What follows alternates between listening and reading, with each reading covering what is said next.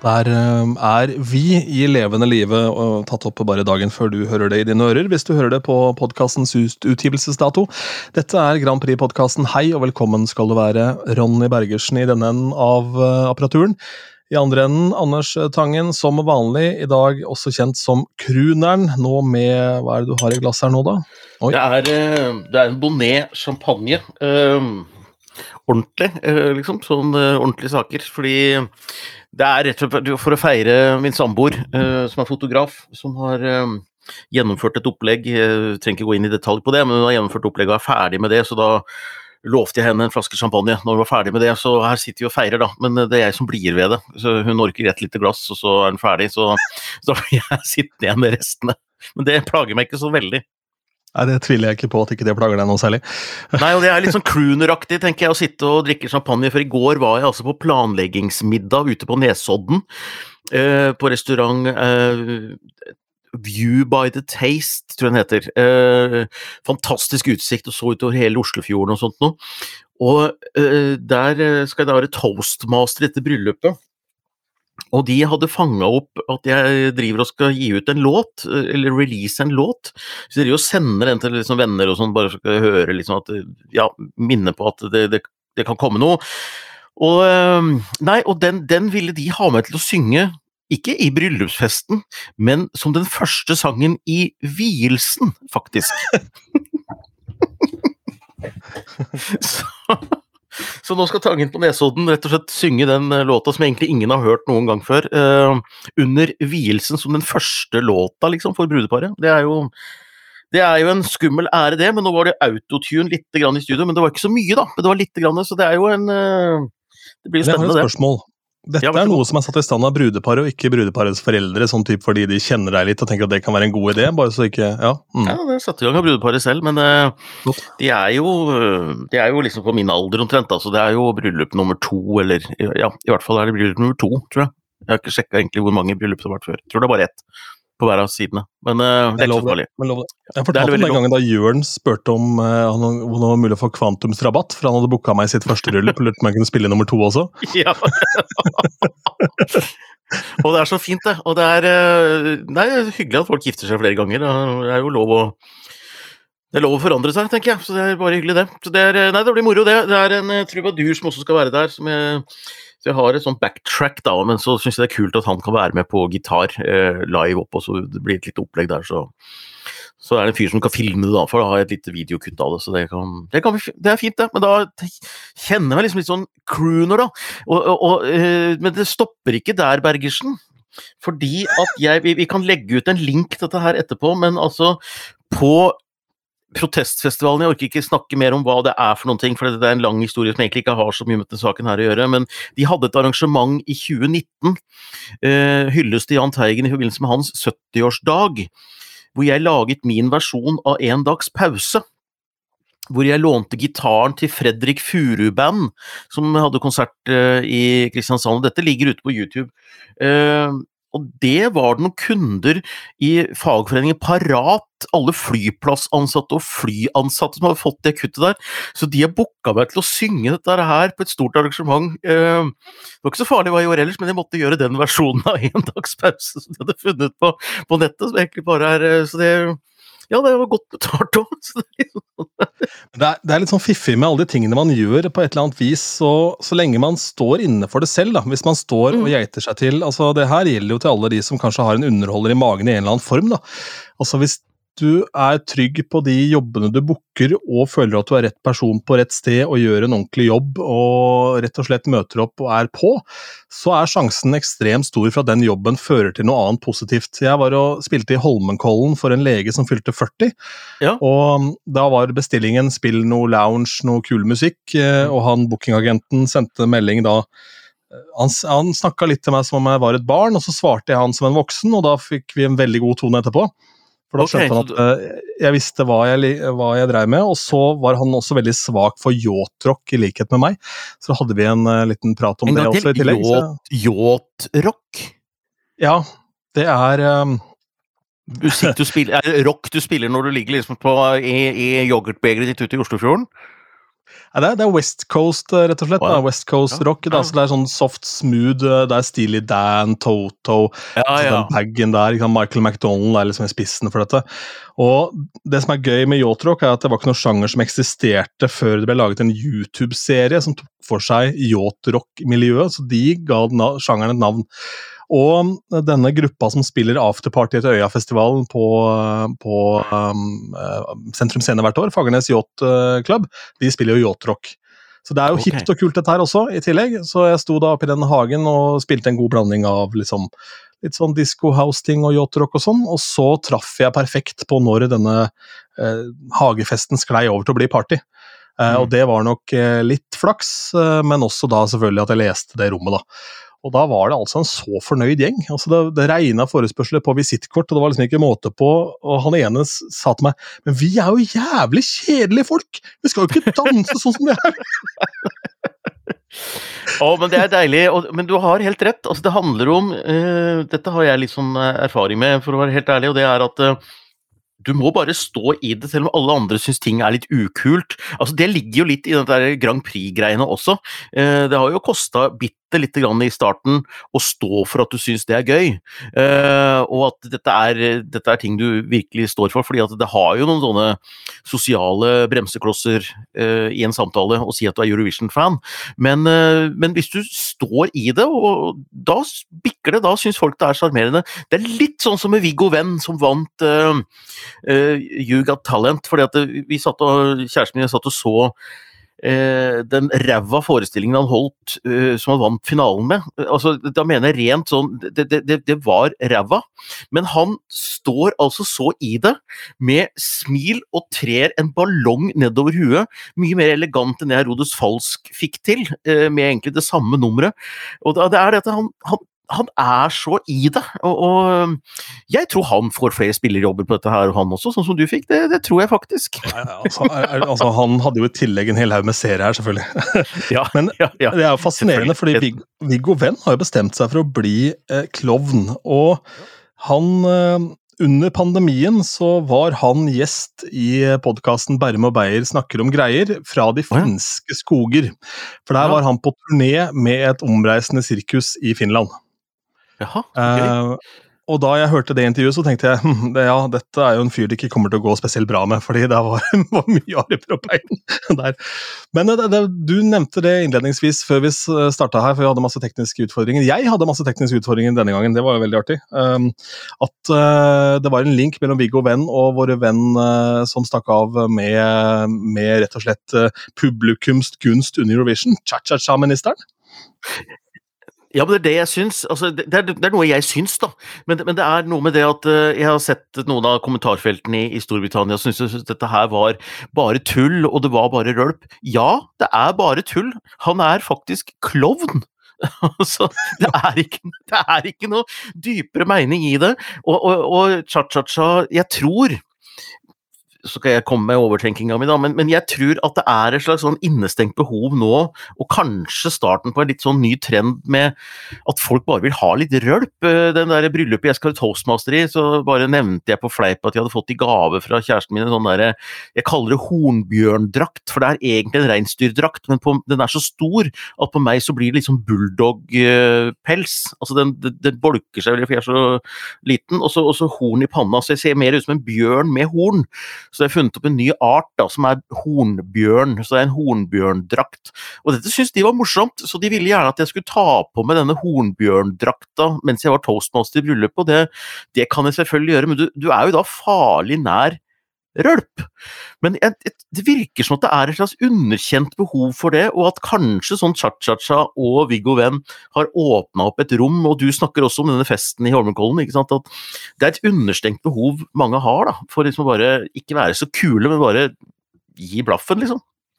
Det var et nydelig øyeblikk under denne festen hvor en kar Det blir da en sånn Jeg spilte her først da fram til klokka ni, og så ble det en time overtid. Så skulle jeg videre på en nattklubb etterpå. Og klokka er da kanskje åtte blitt, og da er det en fyr som bare hopper ut på dansegulvet som var på hellene utenfor, liksom, på steinen der, eh, iført, altså i ganske pene klær, da, eh, og gjør denne slangen bortover det dansegulvet, da, for det ble en sånn danseringe der. Og Det er jo altså et så vakkert øyeblikk eh, der, eh, du, du, kan ikke be om mer.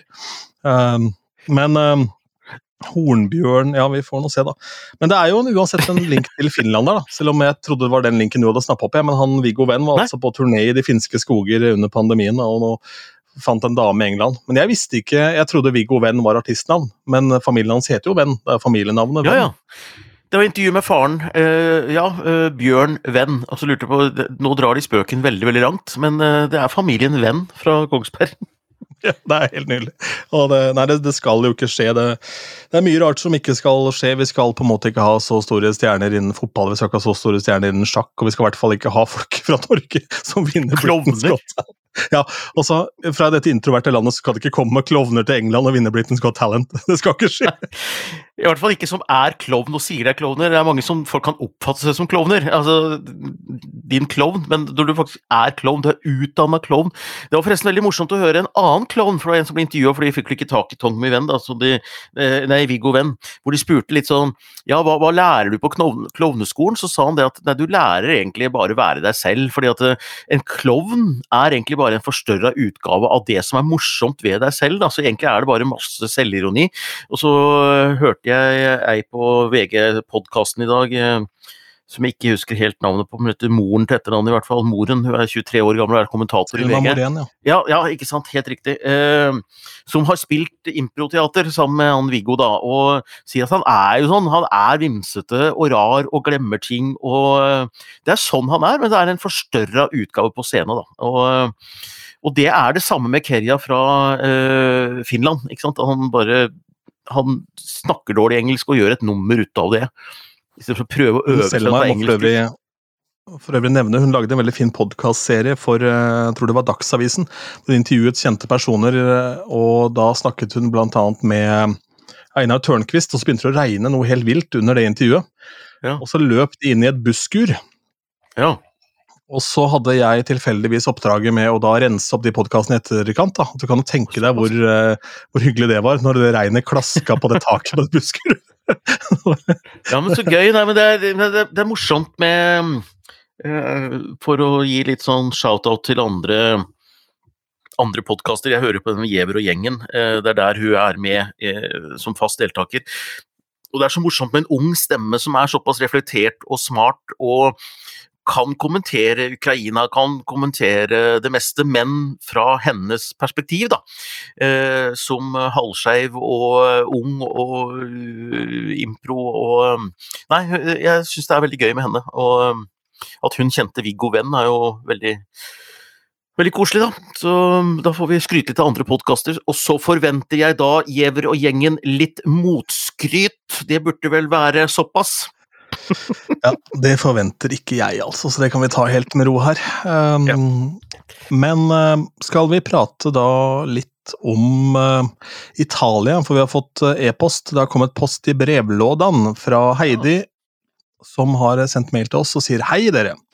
Jeg må uttrykke min frustrasjon over manglende heder og ære av Marco Mengoni i Eurovision. Hører aldri noe særlig skryt i miljøet, i gåsetegn. Låta Du Vite er jo best av alle, og Marco er stor stjerne i hele Europa, med store bokstaver, og utropstegn. Stor stjerne i hele Europa! Og han opptrer for tusener i svære byer, og publikum elsker han, og han og kan alle sangene. Magisk å se på. Kan denne superstjerna få skinne noen minutter i podkasten, please? Med tre i-er. Eh, hilsen Heidi. Eh, ja. Takk for e-post, Heidi, det setter vi stor pris på. Og la oss snakke da litt om Italia. Og det må være deilig å være så fan av noe som Heidi er av denne Marco. Altså det ja, ja. Jeg, jeg, eh, må innrømme at jeg oppdaga han da han vant uh, San Remo-festivalen og skulle representere Italia i år. Men så Han kom jo fra X-Faktor og, og, og, eh, har fått MTV Award for beste europeiske artist i 2015 og fått en annen pris i MTV i 2013. og Han skal jo på litt av en turné nå, da. Stort sett i Italia, men eh, det er jo andre Det er Barcelona, det er Brussel, det er Nederland, Paris, Tyskland, Østerrike, Sveits. Eh, men ikke Norge i denne omgang, da. Men du har helt rett, han reiser rundt og holder konserter og har gjort det lenge. og det er jo fascinerende med Eurovision, at veldig mange her er stjerner i hjemlandet uten at vi er klar over det. Og så blir det et vindu ut, at de utvider publikummet sitt. Og vi sier at det er mange ukjente folk, men det er fordi vi ikke har hørt om dem. Men de er ganske betydelige navn i, i hjemlandet sitt. Og han er jo han er jo en stjerne i det var kanskje derfor han vant San Remo-festivalen også. Eh, og da jeg så Kim Wilgård var med i Adresse eh, adresse Liverpool. Liverpool. Ja, så sa han at eh, nei, han var Marco Mengoni-fan, og han sang jo veldig mye Marco Mengoni-låter. Og da, da, han sa det, så tenkte jeg jøss, han har holdt på lenge, han er vel en sånn veldig etablert fyr, men han er jo ikke så gammel.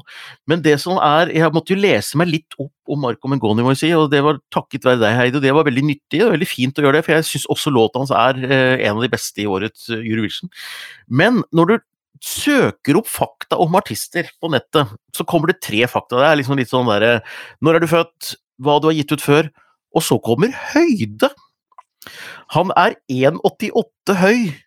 Eh, hva, hva, hva, har det med noe som helst å gjøre? Altså, jeg, jeg, jeg er krenket som en mann på 1,60 at, at, jeg skal få i fleisen ja, 1,88. Eh, Nå skal jeg gi ut en låt. Eh, jeg regner ikke med at jeg kommer, at jeg får MTV Awards, men det kan jo skje, selvfølgelig.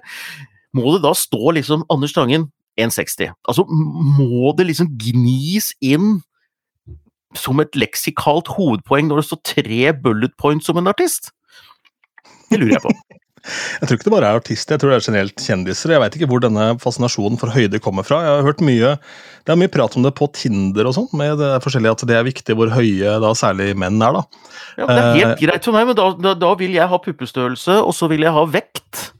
Eh, jeg, og, og, rumpestørrelse, og litt sånn ja. vil jeg også ha, tenker jeg. Ja, da blir jo du veldig grisete gammel mann, da, men det er også det er greit, det. Bare bli det. Det er greit å vite, tenker jeg. Det er liksom alle kan, jo, alle, kan, alle kan, jo, være fine i ansiktet, ikke sant? Ja, det er det. Men jeg trøster meg med det at det, høyde spiller ingen rolle. Det har skipperen vist oss for lenge siden. Bare du har svær nok overarmer, annars så går dette bra. Ja. ja da, og det viste jo Viggo Venn også, forresten, når han spilte popkorn-sangen med biceps og sånn.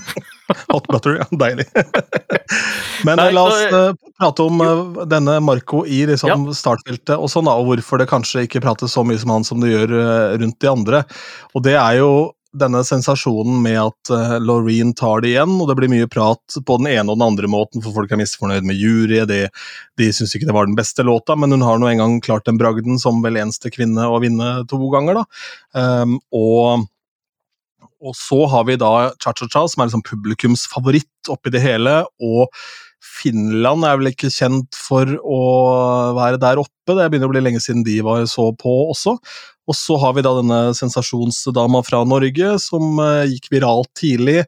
Og da er det lett at det på en måte forsvinner litt med det som med mine ører høres ut som en veldig bra poplåt som kler mm. Eurovision, men som da kanskje ikke har den X-faktoren uh, i årets heat da, som var nødvendig. Nei, og så tror jeg at Italia gjør det de forventes å gjøre. Leverer kvalitet, og noe som er veldig bra, og det gjør de. Eh, og det er jo også litt av hemmeligheten. De var jo borte i mange år. De kom jo tilbake i 2011, var det vel. Eh, etter et opphold fra 1998, tror jeg det var. Eh, det er ikke så farlig, men noe, noe der omkring. De var borte i ganske mange år der. Og de kom jo tilbake, og da var Eurovision hadde veldig lav interesse. Men så skjedde denne koblingen igjen mellom San Remo, og så tok de senteret på hovedkanalen på Rai, og så var de faktisk oppe i 2021 da med 45% markedsandel, og det er veldig bra i, i Italia. Uh, og de har alltid gjort sin greie, Italia, ikke sant. Uh, uh, men men de overrasker sjelden. Altså, Jeg tror ikke Subwoolfer hadde kommet fra Italia. fordi det er... Nei, men man skulle ikke tro Måneskin skulle komme fra Italia heller, så de overrasket vel der. Ja, de overrasket, eh, men det er kvaliteten i det. Altså, ikke sant? Altså, det, det ja. ikke at det ikke var kvalitet i Subwoolfer, men, men, det er kvaliteten måles på andre ting enn det morsomme. da. Det er på en måte det musikalske og mm. kredibiliteten og troverdigheten, og det, det skal Italia ha ros for. da, og jeg...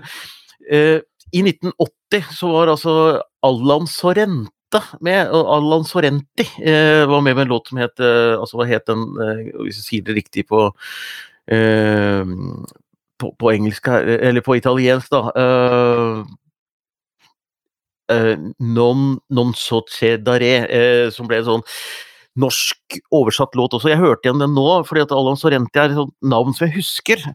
han er på en måte Italias Jahn Teigen og Ketil Stokkan. For er så bilder fra han, vi skal legge ut link, altså opptredenen hans i 1980, så ligner han veldig på Ketil Stokkan. Og hvis du hører på den låta han har, og så legger du den oppå låter av Zoo, som kom en tre år etter, f.eks. 'Vent, ikke legg på', så er det akkurat samme lydbilde. Det er samme barten, og det er det samme håret. Eh, og Allan Sorrente, det visste jeg ikke, men han starta som progrocker på 70-tallet. Og så gikk han over til Eurovision og sånne bløte ballader. Akkurat samme reisa som Jahn Teigen gjorde. Så det er, eh, men han ble borte, da. Han, eh, Sorrente han lever fortsatt, men han har ikke gitt ut noe siden eh, 1993, tror jeg. Men eh, så, så, Italia har noen sånne Men Giglio Cinquetti, Cin, ja, Cinquetti, Cinquetti, som hadde Non Oleta, hun holder faktisk eh, fortsatt på, var jo med i Eurovision i 2022 og spilte låta si, 76 år gammel, og det er, eh, det er en av de flotteste eh, italienske låtene som har en sånn styrke og kredibilitet i, i Eurovision-miljøet. så de, de, har kvalitet. Og Volare, ikke sant, som, alle, som ingen egentlig skjønner er fra Eurovision-sammenhengen, men uh, den het Il Penta di Blod, egentlig. Klippa av Gypsy Kings, denne. Ja, det er akkurat det. det, er akkurat det. Mm.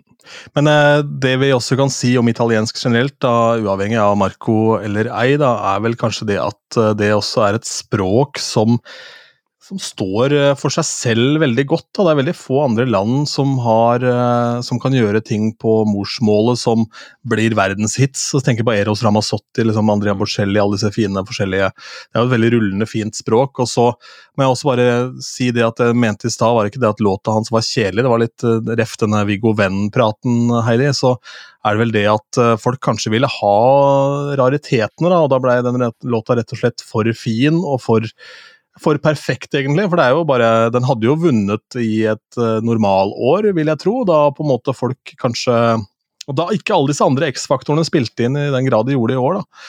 Mm. Nei, og det er eh, Og Italia har vært liksom farlig nær i så mange år nå, så jeg tror det er bare et tidsspørsmål før du vinner. Det samme med Norge for øvrig.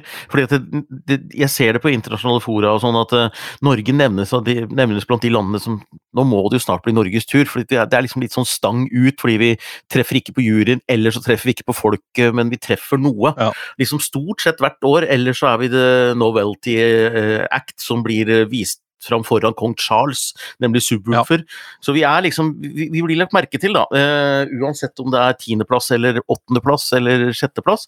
Uh, men, men, det er mye Norge gjør som Italia aldri hadde gjort, og det er egentlig Eurovisions styrke at land gjør det de er gode på. Norge er kjent for å sende alt mulig fra Gule ulver til joik med Sami Adnan, til politiske sanger, til eh, alle mine tanker, folkevis altså, Du, du veit aldri hva du får fra Norge, og det er vi høyt elsket for. og Jeg håper vi fortsetter med det. Og så håper jeg at Italia fortsetter å sende kvalitetspop fra San Remo-festivalen, for da er de italienske. Og så skal svenskene sende disse irriterende, polerte numrene sine med digre maskiner på scenen. Det er liksom sånn det, Oppføre seg som folk, gjøre det de jeg har um, to ting som jeg bare må dra på hatten. Det ene er at det har kommet en vanvittig kul remix av Tattoo fra Lorraine. Um, så Den er laget av en norsk DJ som heter Cosmic Dawn, som har remix Triana og sånn for mange år siden. Dette er en megaintrovert uh, herremann som jobber i teknisk avdeling i P4. Så jeg har intervjuet han i uh, min andre podkast som handler om DJs platekusk, men da måtte jeg overtale han hardt til det.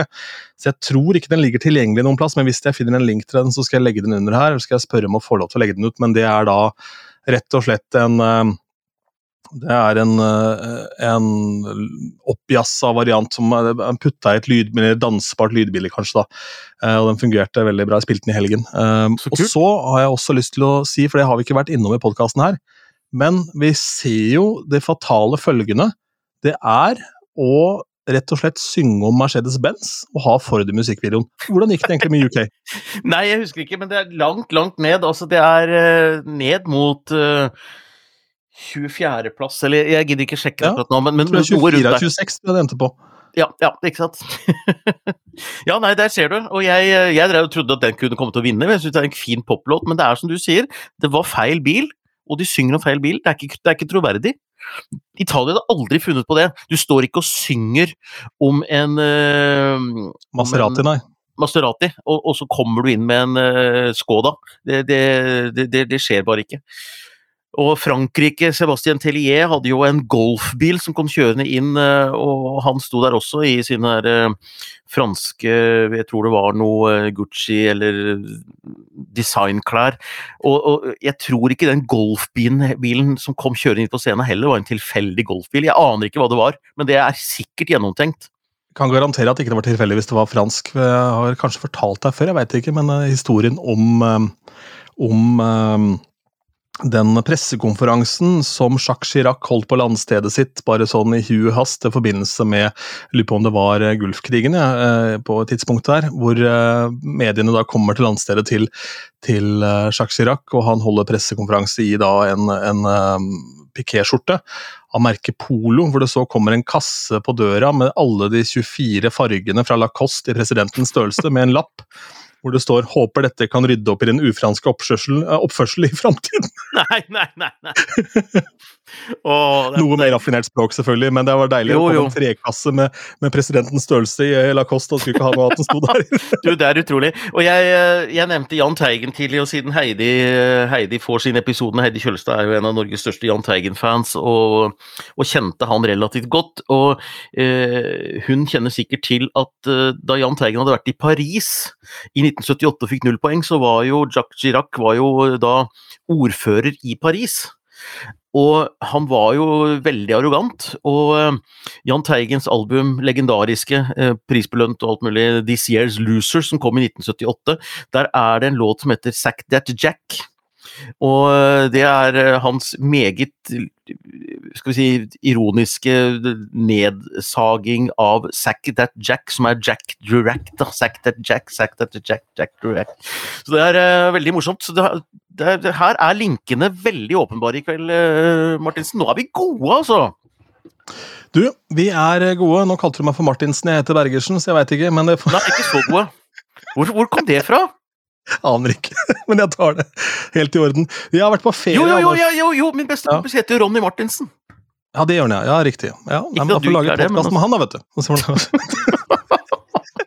Ja, det blir bra. Eh, nei, jeg har vært på ferie en liten tur rundt omkring i Europa og sett eh, konserter med Depeche Mode, som er det største bandet du ikke visste var så svære. Altså, det er helt absurd hvor mye billetter de selger. Jeg så den aller første konserten noensinne på den nye, nye landslagsstadion til Slovakia. Det var Depeche Mode som spilte. Okay. Og det var eh, fantastisk. Der eh, tror jeg at jeg var vitne til noen som forsøkte å ja, og kanskje bli eh, meg eller min kamerats kone på et vis. Ok. Um, ja, for det var noe fisking der om både det ene og det andre. sånn og sånn, Da hadde de skjønt at vi hadde vært litt rundt og farta i Europa. Og så lurte hun på om vi hadde weed etterpå, noe jeg ikke hadde. Da døde interessen noe. Så um, ja. uh, uansett, det var i hvert fall uh, utrolig bra. Men fy faen, unnskyld språket, det er helt jævlig å være på ferie nå. Det er altså så dyrt. Ja. Uh, og Erik, han som gjør min butikk, han eh, er ikke veldig hissig på å drikke alkohol. Litt pga. glutenallergi. Mest fordi han eh, har et alter ego som heter Ludvig, som dukker opp når han drikker kraftig. Og Ludvig trenger ikke å dukke opp så ofte. Nei. Uh, for Ludvig Ja, er, det er Ludvig. er, det, er, det, er det Ludvig som i Flåklypa, eller er det en annen type Ludvig? For Ludvig i Flåklypa kan jo dukke opp hvor som helst uten at det er noe Ja, han er litt forsiktig type, men hvis du har Ludvig i Flåklypa som bare har falt ned i solangeret Jeg veit ikke helt hva som foregår, men i hvert fall grunnen til at han heter Ludvig, er vel at han hadde en ryggsekk og noe greier, fløy rundt og vasa i fylla. Men det, var- han, han blir eh, En eh, kollega av Erik ringte meg da Ludvig hadde dukka opp på firmafest i utlandet. Um, eller Ludvig ringte meg egentlig, og så fikk jeg da kollegaen hans på røret, eh, og han var helt sånn sjokka, for han hadde jo ikke sett maken. Det var jo en total transformasjon av vedkommende. Og det er sikkert ikke sunt at han dukker opp hver helg. Så Erik, som da ikke drakk noe særlig alkohol, tre enheter kanskje i løpet av hele turen, han brukte dobbelt så mye som han har budsjettert med. På den turen. Ja. Ja, Så dyrt har det blitt bare å leve, altså. Det var, eh, så jeg jeg er glad jeg ikke skal ut med masse barn og sånn nå i sommer, for det tror jeg kan bli tøft for mange. Og dette ser vi ja, nok ettervirkningene av litt utover, eh, utover høsten og langt ut i neste år med kredittkortregninger og det ene og andre. Ja, det er jo seriøst dette her. Jeg, jeg har nettopp fått regningen min fra Liverpool-turen, hvor jeg måtte kjøpe billetter i Europa rundt uten å oppleve en damn Ja. shit, jeg også. Jeg var jo På én dag var det Brussel, eh, London, ja, Liverpool, eh, for eksempel. Eh, Ja, uten å oppleve noen ting. Eh, Billettene kosta, så nå, nå har regningen fra Liverpool kommet. Juhu! Men det Du har jo for øvrig vært eh, veldig bra å dra på hatten som sånn conversation starter, når jeg fortalte om han som tok eh, tog for fly. Ja, ja, ja. Ja, og nå er kranglinga i gang med Travellink og disse her eh, flyselskapene å få tilbake pengene, da. Fordi at uh, flyselskapet er ikke så hissig på å gi meg tilbake penger fordi jeg ikke møtte opp til flygningen. Uh, de dekker bare Altså eh, men, men, men, men de sier ja, men du, du kom deg jo til Brussel. Ja, men, eh, ja, men eh, hva skulle jeg der gjøre? Det, det, det er jo totalt irrelevant at jeg kom meg til Brussel. Jeg, ikke, jeg gidder ikke betale for den reisa. Da må du utnytte at du er 1,60. Du må si at jeg møtte opp, men du så meg ikke over disken. Nei, nei, nei, nei det, jeg skal prøve det. Jeg skal prøve å se. Men ellers så stor Marco Mangoni foran meg da, med sine 188 cm. Mm. Nei, det var heftig, men øh, jeg må også si det at hvis du har øh, litt Deppers Mode-fan i magen, da, så Ja. kom deg på Telenor Arena. Det kommer til å bli utsolgt, for det er siste Når er det? Europa. Og det, er 11. 11. august. Dessverre krasjer det med Øyafestivalen. Eh, men jeg tror litt annen type målgruppe for headliner. ikke til å si det trenger jo ikke være noe stort problem, det. Med Håkan Hellstrøm headliner på Øya, så det er litt sånn eh, litt annen uh, målgruppe der. Jeg skulle gjerne sett han også, for den saks skyld. Men det er et veldig bra show nå. Kul setlist. uh, Og jeg, vi så to ganger Deppers Mode, og så dro vi til København. Eh, Der var det heldigvis happy hour, det var 20 kroner halvliteren. For der var det jo, der var det jo 1,6 står den danske krona. Du skal vel på danskeferie, du, tenker jeg? Vi, ja, vi jeg, jeg tar med familien på tivoli og, og, og København. Og, Ja. og, Humlebekk, eh, liksom de dyreste. Ja, det gjør jeg. Mm. Nei, eh, Der så jeg Peter Gabriel, og nå vet jeg ikke hvordan det var i Bergen, for det var utendørs, men det var altså så vanvittig god lyd. Eh, Så jeg gikk bort til lydbua og takka de gutta i pausen og sa altså god damn, liksom. Og det var helt åpenbart, og det var ikke de vant til at folk gjorde, da, for de ble jo helt satt ut, eh, de introverte nerdene som sto der. Jo, men fader heller, jeg, jeg satt sånn til at det ikke var noe problem å gjøre, da. Eh, for det var, det var rett og slett råbra, og um, han også leverte et veldig kult sett. Det, jeg liker Peter Gabriel fordi han gjør det han har lyst til, og så veit publikum det. Så hvis de forventer å komme og bare høre hitene, så blir de skuffa, men han er lidenskapelig opptatt av å vise fram ny musikk, ting han har gjort. Og ja, jeg syns det var veldig, veldig bra. Eh, Alt i alt en veldig fin tur. Men da er vel han også et eksempel på det vi snakka om før, da. Altså, så lenge han står for det, og det han har lyst til å gjøre, så, kan du egentlig holde på Hvor gammel er han nå? Han er vel eh, noen og 70? Noen og 60. Noen og Noen og 60, 60? Å ja, han er ikke, han er ikke, han er ikke høggammal, han altså, sånn sett. Nei, alt bare er nevne ja alt, er, ja, alt er relativt. Men vi nærmer oss jo litt sånn eh, eh, Kanskje en liten avslutning her, men jeg må bare nevne Det, det er veldig morsomt i, i Sverige nå, fordi at de det er jo spennende hvor de skal gjøre Eurovision, da. Og, og det er jo noen byer som har meldt sin interesse. Eh, så det kan bli Eskilstuna. Det hadde vært vakkert. Ja, i Stig Sports Arena. Eh, ja, eller det kan bli Göteborg med Skandinavium. Um, Jönköping, ja. Huskvarnagarden. Ja, riktig. Ja. Uh, det er nydelig. Skal vi se. For nå skal jeg må bare søke opp Nei, bare hold skravla gående, Anders. Ja, og så har du Malmö, Malmö Arena. Der var det jo i 2013 en sånn passe stor arena med sånn 14 000 tilskuere. Ja. Og så har Ørnskjølsvik meldt seg på. Med Heggelunds Arena. Ja, og jeg hørte en uh, podkast-dokumentar i fjor eh, hvor det var snakk om den gangen da Motorhead kom til Lidkjøping, så jeg slenger det inn der òg. ja, ja. Lidkjøping eh, kan være et alternativ. Ja, De har ikke meldt sin interesse, men uh, også er Da Hva gjør jeg det nå på vegne av Lidkjøping. Det er veldig bra. Da sender du en mail til ordføreren, det er bare sånn for sikkerhets skyld. Jeg regner med Eh, han hører på. Han er jo ja, det gjør. Det gjør han nok. Uh, Så har du Partiet. Partiet Arena. Ok. Visste ikke at det var en svensk by som het Parti engang, men uh, partiet har meldt sin interesse. Uh, og så er det Stockholm, faktisk. Uh, de har også meldt sin interesse. Uh, med Friends Arena og Tele2 Arena, men visstnok Men Friends Arena er vel opptatt med fotball, men så sies det vel at Tele2 Arena har en mye bedre akustikk, og at egentlig Friends Arena er litt sånn Ingen, ingen, lydfolk har lyst til å lage musikkproduksjoner i Friends Arena, egentlig. Men jeg, dette kjenner ikke jeg til. Dette skal du få svar på så fort jeg har vært i Friends, nei, så fort jeg har vært i Tele2 Arena og sett uh, The Weekend senere i sommer. For jeg har vært i Friends Arena, det, det var ikke tida til. Men jeg har sett, sett ikke sett konsert ennå i Tele2 Arena. Så, men den er, den er vel litt, litt mindre, og jeg lurer på om Altså sånn Lydmessig da, og stemningsmessig på en konsert så er det en fordel at du har uh, høye tribuner, at du får lyden liksom litt sånn auditoriemessig.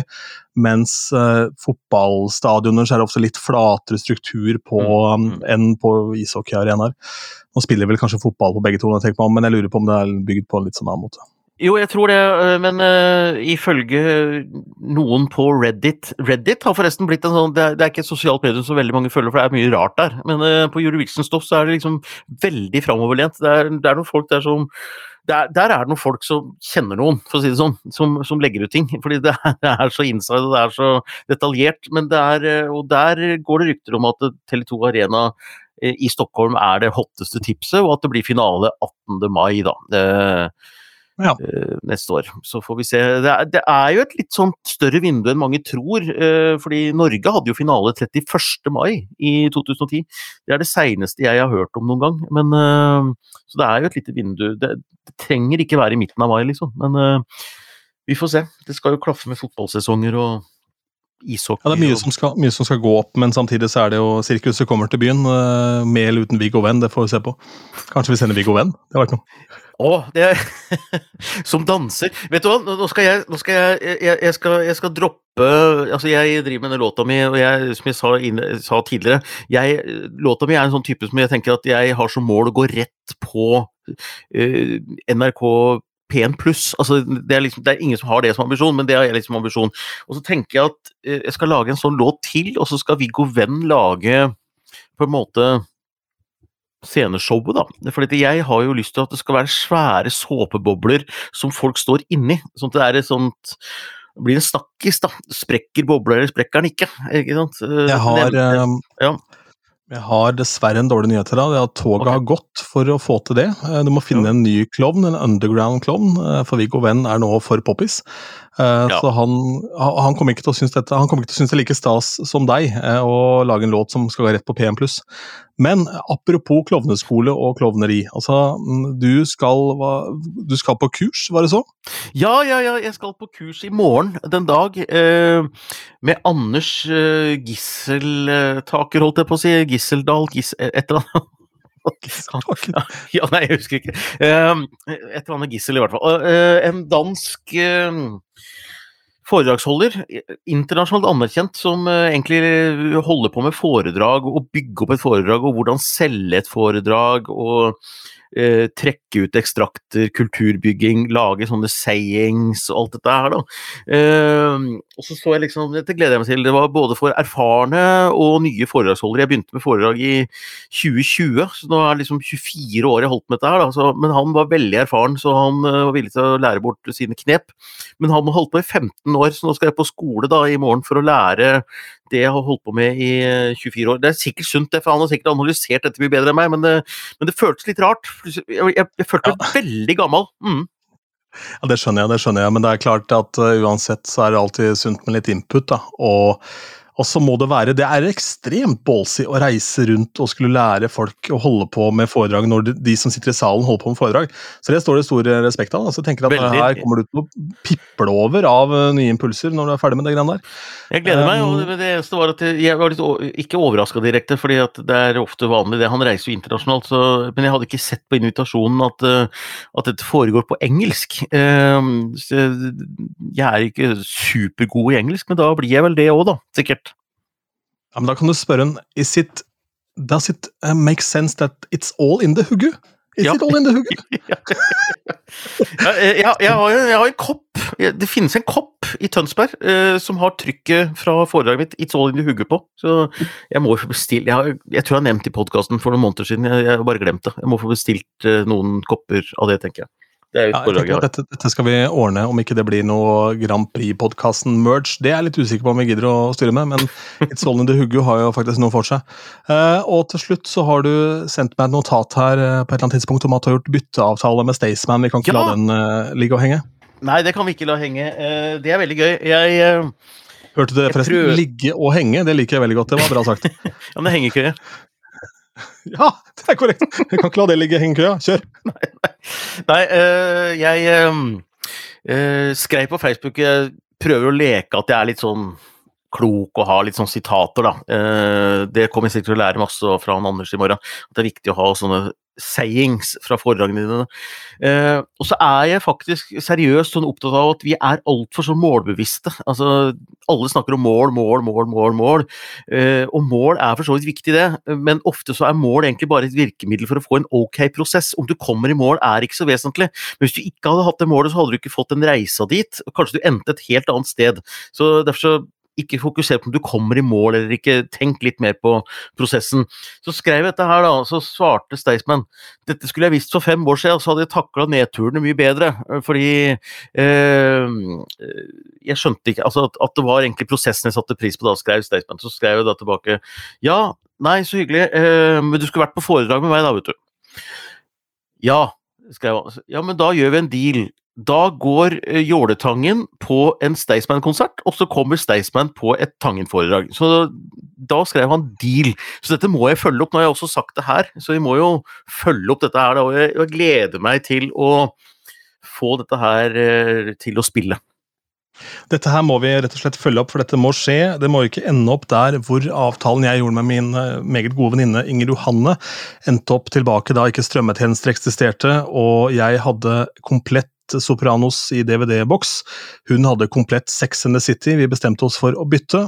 Hun så en episode av Sopranos, jeg så hele Sex and the City.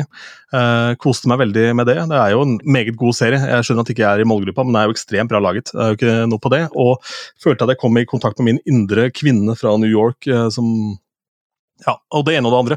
Men i hvert fall, så dette gleder jeg meg veldig til. Eh, om ikke annet så må vi sende med flere som kan filme Tangens reaksjon på Staysman-konsert. Ja. Eh, Og kanskje vice versa også. Eh, det, blir, det blir gøy. Eh, men jeg gjør jo stort sett eventjobber, så det, jeg må jo da smugle inn Staysman på en eller annen sånn firmajobb jeg, jeg, jeg gjør, da. Så, ja, det er bryllupet, da. ja, ja, det, ja. ja, Og Staysman, som ikke er noe særlig gjenkjennelig heller. Det er nydelig. Nei, så kommer Staysman og sitter bak og ser meg synge den der låta med to øyne, og så sitter han hvorfor, hvorfor synger ikke han en sang i stedet? Ja, nei, Det det, jo- det blir bra. Det blir bra. Mm. Jeg har vel ikke sagt noe om Tina Turner. Eh, mulig jeg har nevnt Nei. det her på den her tidligere, men Tina Turner gikk jo bort. Hun ble jo en godt voksen dame, sånn sett, men for et rivjern av en, eh, en dame. Jeg vet ikke om alle er klar over det, men idet Tina Turner fikk sitt eh, gjennombrudd på nytt, da, tidlig 80-tallet eh, En god periode før det så spilte hun sine gamle hiter med fullt band. Gjorde klubbkonserter, altså klubbpublikum, så hun satt vel knapt igjen med penger. Det var kanskje plass til 1000 i salen, og hun hadde blåsere, kordame, altså full pakke. Eh, sånn, jeg skulle gjerne sett noen av de konsertene, for å si det sånn, men jeg var ikke påtenkt da. Eh, og så får hun da mm, selvfølgelig sitt velfortjente skikkelige comeback der med, med denne What's Love Got To Do With It-skiva i 84. Og Tina Turner var megafan av Roxette, elsket Marie Fredriksson. Oi, Så- det? Per Gessle har på et tidspunkt fortalt at de gjorde en konsert i Tyskland hvor Tina Turner satt på scenens høyre side, bak liksom sceneteppet der, ikke synlig for publikum, og så hele konserten. Så tenk deg du står og lirer Gura og spiller The Look der, så kikker du bort, så sitter liksom The Queen. Å, det er fantastisk. Å, det er en deilig historie. Men jeg tenker at uh, Tina Turner kunne, kunne gjøre seg anonym. Hun, det er bare å ta av seg parykken, så, så, så ingen som kjenner henne igjen. Uh, det er ikke Nei, noe hemmelighet. Hun hadde jo relativt uh, tydelig parykk.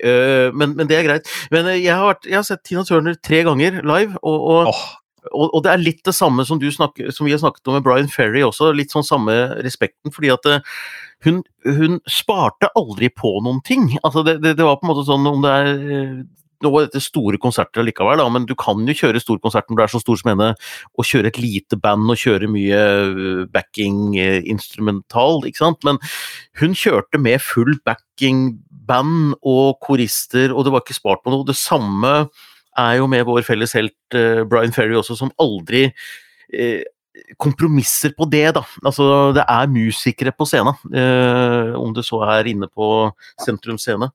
ja, absolutt. absolutt. Eller i Halden, som vi har snakka om før. Ja, ja, ja, ja, veldig. Eller Aftenpodden, som også har live Det var veldig gøy med Aftenpodden, hadde live på Sentrum Scene, de også. Og så sa de at det de forbandt med Sentrum Scene, er sånn store konserter. Eh, så de tulla med i podkasten at det er så gøy med pyro. Og jeg, og, og, og jeg, lo så veldig, fordi at det, det, det er jo en politisk podkast. Det er jo så tørt, og det er så nerdete. Og idet de satte seg i stolen altså det var sånn point at Idet de setter rumpa nedpå stolen for å sitte og snakke, så kommer det pyro! På en podkastinnspilling! Uten at det sendes live engang. Det er fantastisk. Og det koster jo noen kroner da, å få det til. ikke sant? Det, Men greia er jo da det er jo et grep sikkert for å da riste opp publikum, da, slik at du skal sitte der og høre en live podkast. Da har du jo gjort et sånt uh, grep uh, ja. eh, som overrasker folk veldig. Det er jo ja, Vi kan snakke det vide og det brede om sånn, hvordan man ja, Ref, denne samtalen, denne gigen du hadde og ikke du visste hva du skulle finne på, kledde av deg selvfølgelig. da, ikke sant? Ja. Det er jo, altså Man må jo ofte da riste et teppe på et eller annet vis, da, og det fungerer jo bare én gang. Hvis de har pyro hver gang, så går det jo folk lei. Ja. Men, Nei, og i, i det bryllupet skal jeg kle på meg. Da skal jeg ta med meg den drakta. Mm. Den er god. Da lar vi det bli siste ord. Anders skal kle på seg. Det er bare å glede seg. Så um, er vi tilbake om en ukes tid med mer stoff fra Grand Prix-verden og hint, må være lov å si. Hvis du har noe å melde, sånn som Heidi hadde i dag, tusen takk for e-post igjen, Heide. Veldig fint. Uh, uansett hva det måtte være, ris, ros eller uh, gjerne bare et tema, noe vi kan dra opp av en eller annen hatt, så setter vi pris på det. Hei at grandprixpod.no er vår e-postadresse.